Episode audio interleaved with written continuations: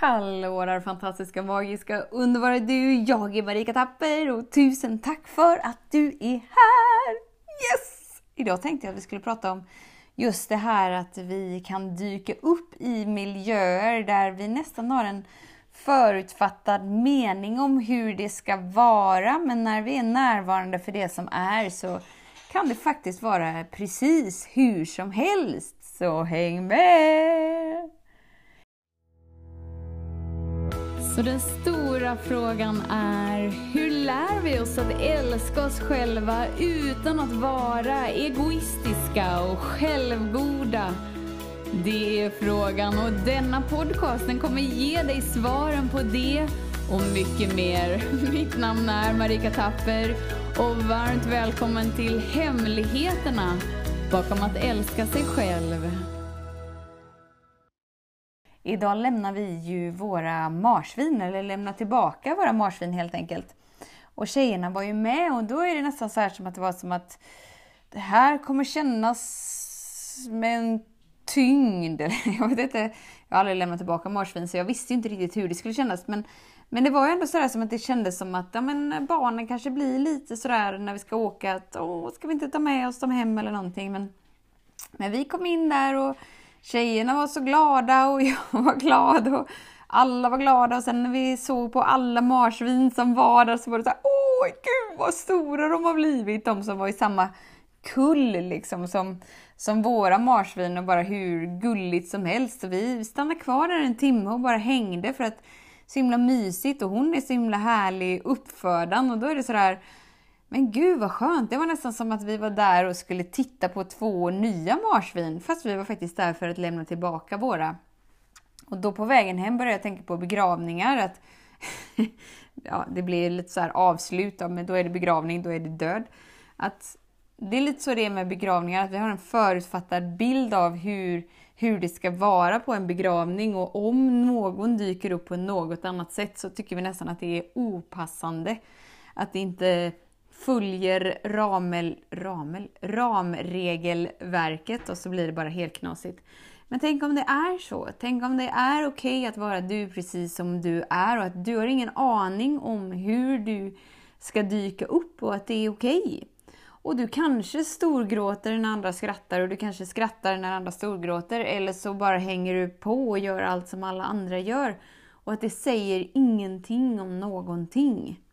Det är så lätt att ha förutfattade meningar om att ja, men går vi igenom någon som dör så ska det vara en stor sorgeperiod och enligt de flesta religioner så ska det vara i sju dagar fast vi brukar köra det i sju år. Vi mänskliga lidande, jag lever i hjärnan.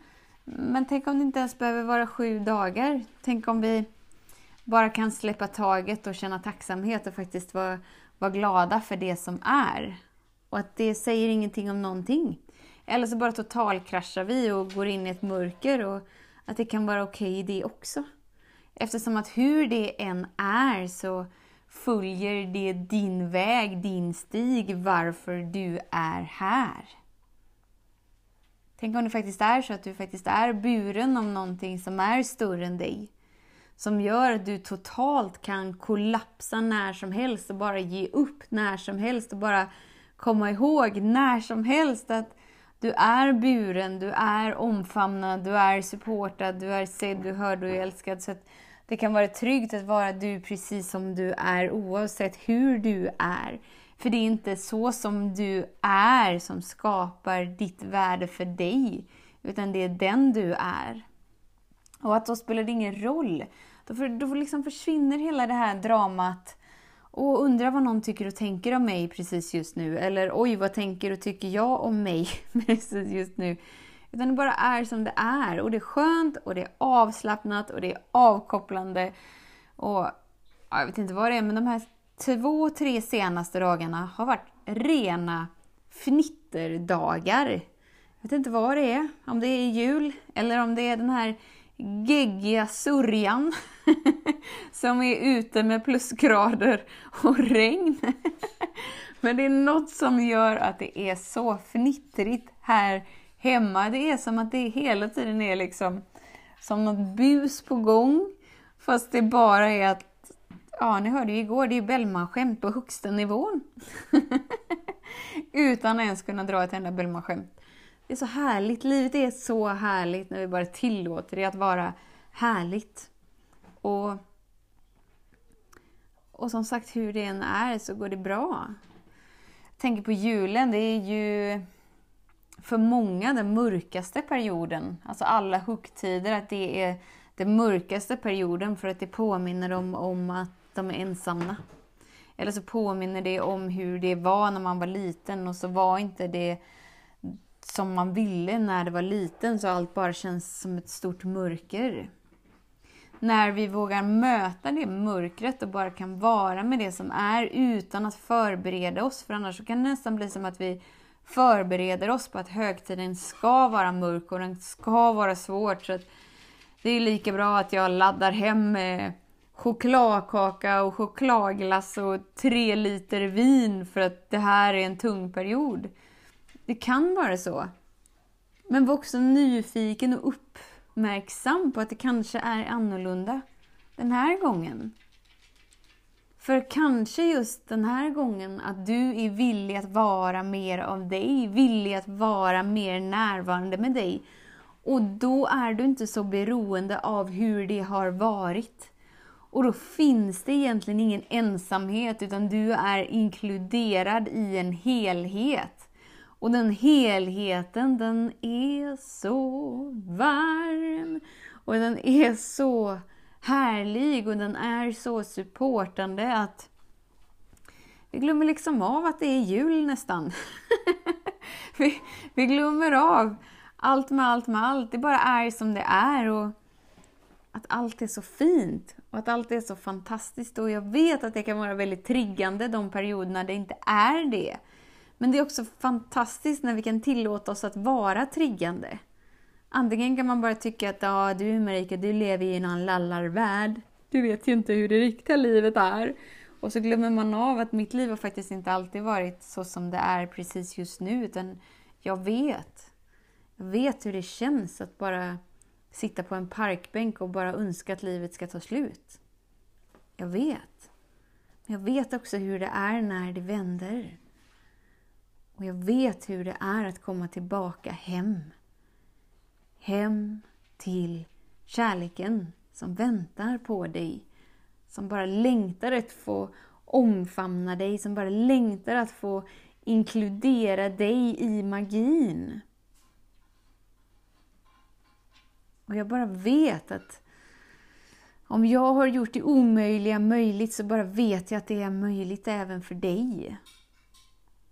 Och genom din vilja att våga falla igenom vad du än upplever, genom din vilja att, att vara med det som är utan att köra något konstigt positivt tänkande eller jag måste förbereda mig på en kamp i livet, så skiftar det.